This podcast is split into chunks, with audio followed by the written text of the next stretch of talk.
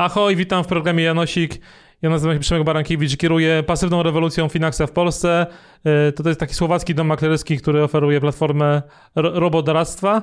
E, kieruję Finaxem w Polsce, ale również e, programem Janosik, do którego zapraszam ciekawych ludzi, którzy mają coś do powiedzenia na temat własnego portfela i, i inwestowania. Dzisiaj tak, wybór padł na Macieja Wąska. Cześć Maciek. Cześć Przemek.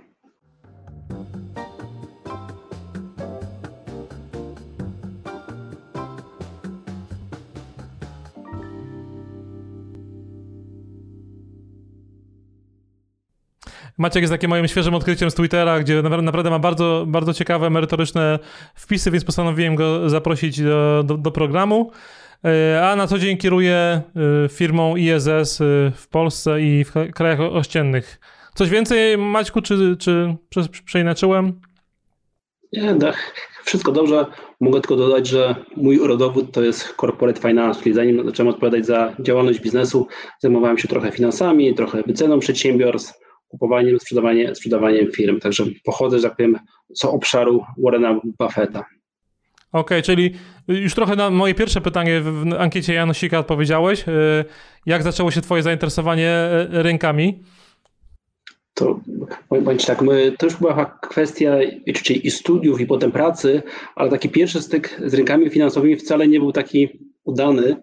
Gdzieś tam e, tuż po studiach pracowałem w takiej jednej organizacji pozarządowej, chcieliśmy zbawiać świat i dostaliśmy pieniądze od e, donatorów, sponsorów i wtedy był taki pomysł, amerykańskie fundacje mają taki kapitał wieczysty, który inwestują, on generuje pieniądze i te pieniądze potem przekazuje się na inicjatywy. Więc wpadliśmy na pomysł, musimy zrobić tak samo. Dostaliśmy te kilkaset tysięcy złotych, to co robimy?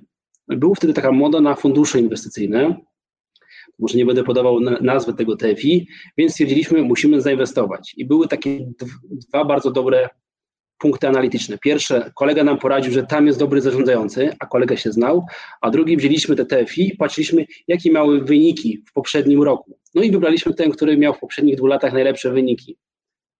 No jakby to powiedzieć delikatnie, nie zażarło, także ze sporą stratą wycofaliśmy naszą inwestycję i stwierdziliśmy, że jednak inwestowanie w fundusze inwestycyjne to niekoniecznie jest ten dobry pomysł.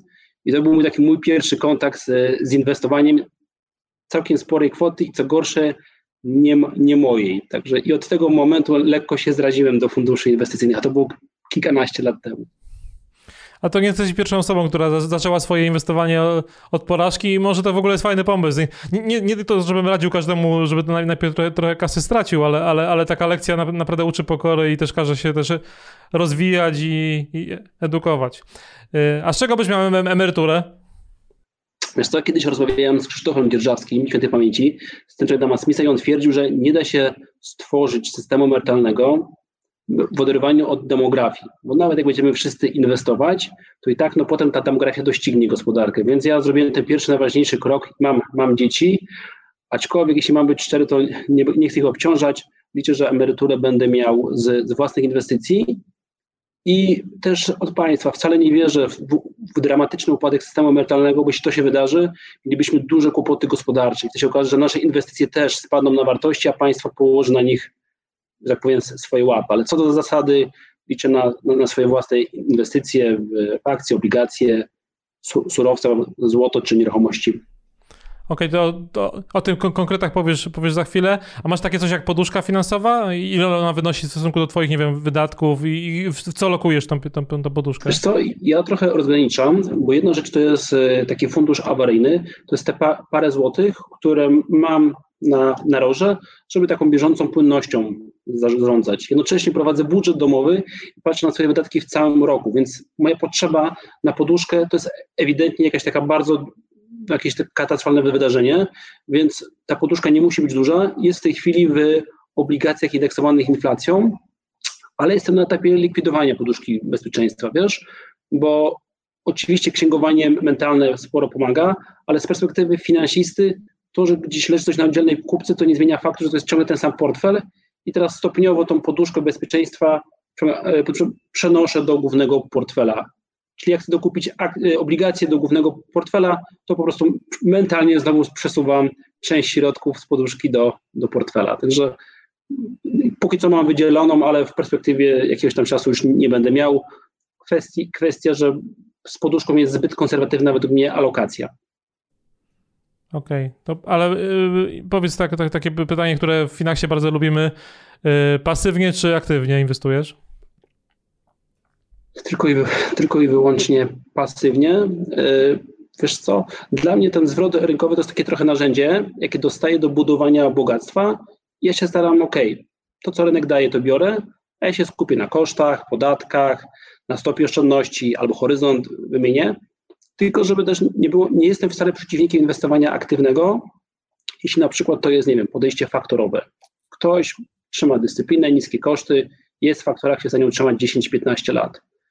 Jestem za aktywny, kiedy mówię, OK, ja oszczędzę na kosztach i podatkach, bo wezmę ETF syntetyczny.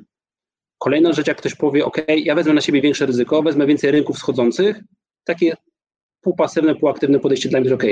Ewentualnie, tak jak trochę ma Michał Szafrański, który inwestuje aktywnie, częściowo mówi, to nie jest po to, żebym miał lepszy zwrot, tylko po pierwsze ja to lubię, a po drugie dywidendy powodują, że jestem w stanie się utrzymać na rynku, nawet jak są spadki. I to jest tak śmieszne inwestowanie aktywne po to, żeby własnymi emocjami zarządzić, nawet w sytuacji, kiedy będą gorsze wskaźniki finansowe. Ewentualnie ostatnia rzecz, jeśli ktoś ma portfel pasywny chce przekazać 5-10% na zabawę, to jasne, to nie mamy z tym kłopotu, ale nie powinniśmy się bawić pieniędzmi na emeryturę, na edukację dla dzieci, jakieś takie ważne cele życiowe, bo to, to nie są pieniądze do zabawy. Okej, okay, to lokalnie czy globalnie? Bo już trochę powiedziałeś, ale. Konkretnie. I tak, i tak. Jeśli, cho jeśli chodzi o akcje, to w 100% jestem e, globalnie, ponieważ e, globalna ekspozycja poprawia mi zwrot skorygowany o ryzyko, ba, nawet zwrot nominalny jako taki, tylko chyba USA, ewentualnie RPA był jedynym krajem, gdzie bez dywersyfikacji globalnej można było osiągnąć lepsze zwroty. Dodatkowo nie ma żadnych zachęt, żeby przeważać mocno Polskę. I kwestia podatków, kosztów, kosztów powoduje, że dużo sensowniej jest trzymać się globalnej ekspozycji, a jeszcze jak masz PPK, ja tak naprawdę posiadam, to jesteś przymuszony do posiadania jakiegoś sporego udziału w Polsce, więc nie widzę powodu, czemu miałbym inwestować prywatnie, lokalnie, więc czysto globalnie. W zakresie obligacji inwestuję lokalnie. To jest kwestia uniknięcia ryzyka walutowego i tego, żeby obligacje zapewniły trochę stabilizacji portfela. Więc część obligacyjną mam lokalnie. Pewnie jak będą dostępne produkty z globalną ekspozycją, z hedgingiem do złotówki, no to wtedy bym taką, taką inwestycję rozważył. Wspominałeś, e, zanim tutaj na antenę weszliśmy, że masz też jakieś surowce w portfelu. Powiesz coś więcej o tym? Tak, tak. Tak. E, oprócz e, globalnej ekspozycji na akty przez ETF, polskich obligacji indeksowanych inflacją. Jakiś czas temu dodałem złoto i to przyznam się, takie to trudne dla mnie było aktywo. Strasznie dużo czytałem, słuchałem, oglądałem, wszystko co się da wiedzieć. A propos złota miałem wrażenie, że już posiadłem. Jednocześnie kupiłem to złoto i po trzech miesiącach sprzedałem, bo nie byłem w stanie, w stanie wytrzymać z posiadaniem tego aktywa, bo mnie strasznie irytowało. Mam po prostu problem, że nie generuje cash flow, jednocześnie jest zmienne, jednocześnie jest tam dużo takiej narracji o końcu świata, upadku dolara, która mnie strasznie mocno odpycha. Ale jak się podejdzie tak na zimno do złota, zobaczy, ok, to nie jest inwestycja, to jest dywersyfikant, tak? Bo co do zasady ona obniża zwrot na portfelu, ale będą te sytuacje, kiedy jest spadek wartości dolara, kiedy jest jakiś kryzys gospodarczy i złoto zadziała jak safe ewentualnie dużo nieoczekiwana inflacja, Są wybrane scenariusze, kiedy złoto może pomóc. Więc uznałem, że takie 7-8% alokacji do złota w ramach dywersyfikacji i zabezpieczenia się na niektóre scenariusze po prostu jest, jest korzystne, ale nie jestem, jak powiem tutaj, miłośnikiem teorii spiskowych, e, wielkiego resetu, który kupuje te 20, 30, 40% złota. Dla mnie to jest tylko część, część portfela. I co ciekawe, do złota mnie przekonała osoba, która wcale nie jest entuzjastą, czyli Damodaran, który zrobił jakiś czas temu analizę i stwierdził, że właśnie on miał ten kłopot ze złotem, bo nie ma cash flow, bo jest cały ten tłum, ale jak zrobił analizę te kilkadziesiąt lat, no ciężko odmówić, że może być sens posiadania niewielkiej ekspozycji na, na złoto. Okej. E, jak śledzę twoją aktywność na Twitterze, to też wiem, że ten rynek lokalny jest ci, jest ci mimo wszystko bliski. Jakbyś miał taką magiczną moc i mógłbyś zmienić jedną rzecz tylko na polskim rynku kapitałowym, żeby go oczywiście poprawić, to co by to było? Tak, ja jestem akurat z tych, że mi najbardziej by zależało, żeby jak najwięcej Polaków miało oszczędności, inwestowało, ale jakbyś miał coś zmieniać w regulacjach, no to ja bym bardzo chętnie chciał, żeby zmieniono formułę PPK, żeby umożliwiono w ramach PPK inwestowania w ETF-y, ewentualnie fund, obecnym funduszom jeszcze umożliwić większe wyjście na, rynki zagraniczne. Bo to, to uważam, że pomimo wielu wad, nie ma co kryć, PPK są bardzo ciekawą formułą dla, dla Polaków, żeby oszczędzać i inwestować. Y, okej, okay, to już teraz moje ulubione pytanie. Trochę od niego zacząłeś. Y, chodzi mi o największy błąd inwestycyjny. Ten właśnie z tymi, z tymi funduszami na początku to był twój największy błąd, czy potem się jeszcze trafił jakiś większy? Co?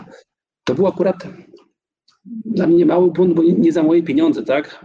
Oprócz tego, że, że tak powiem honor, honor i ambicja, ale tak, to był, spor, to, to był spory błąd. Drugi, drugi błąd, którym powiedział, to jest zbyt długo czekałem, żeby z powrotem wejść na rynek kapitałowy, żeby zacząć inwestować. To też wynikało z tego, że jako osoba, która zajmowała się wycenami przedsiębiorstw, jak my kupowaliśmy firmę, to miałem audytorów, due diligence, doskonały wgląd w działalność firmy, a i wtedy wycena tej spółki była wyjątkowo trudna, obarczona dużym ryzykiem. I potem ktoś mi kazał analizować spółkę giełdową, gdzie mam tylko sprawozdania finansowe i tam parę informacji w internecie i na tej podstawie zrobić wycenę, uznałem, że to jest bez sensu, nie mam żadnej przewagi konkurencyjnej i trochę zbyt długo czekałem, czekałem z inwestowaniem i jak się zaczął pojawiać w Polsce ETF-y, to akurat to był ten produkt, który mnie zawsze interesował, więc rozpocząłem, że tak powiem, dość późno inwestowanie, a wcześniej robiłem setki tysięcy backtestów i analiz i się zastanawiałem, czy alokacja 8% jest lepsza niż 9%, czy 50%, czy 52%, czy stopa zwrotu powinna być 5%, czy 5,5%.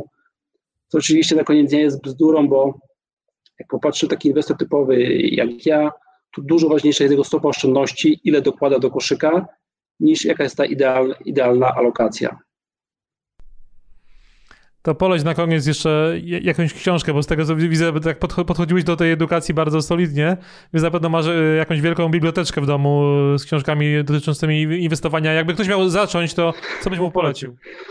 No pewnie będę teraz kamerę przekręcić. Faktycznie tutaj po mojej lewej stronie jest dość duża biblioteka i bardzo mądre pozycje po angielsku z corporate finance, inwestowania, ale wiesz co, tak się zastanawiałem, nie potrafiłem jednej książki wybrać, więc zrobiłem sobie taki test, jaką książkę bym może nie kazał, ale prosił, żeby chociaż moje dzieci jedną przeczytało o inwestowaniu, gdyby tylko miały jedną o inwestowaniu przeczytać.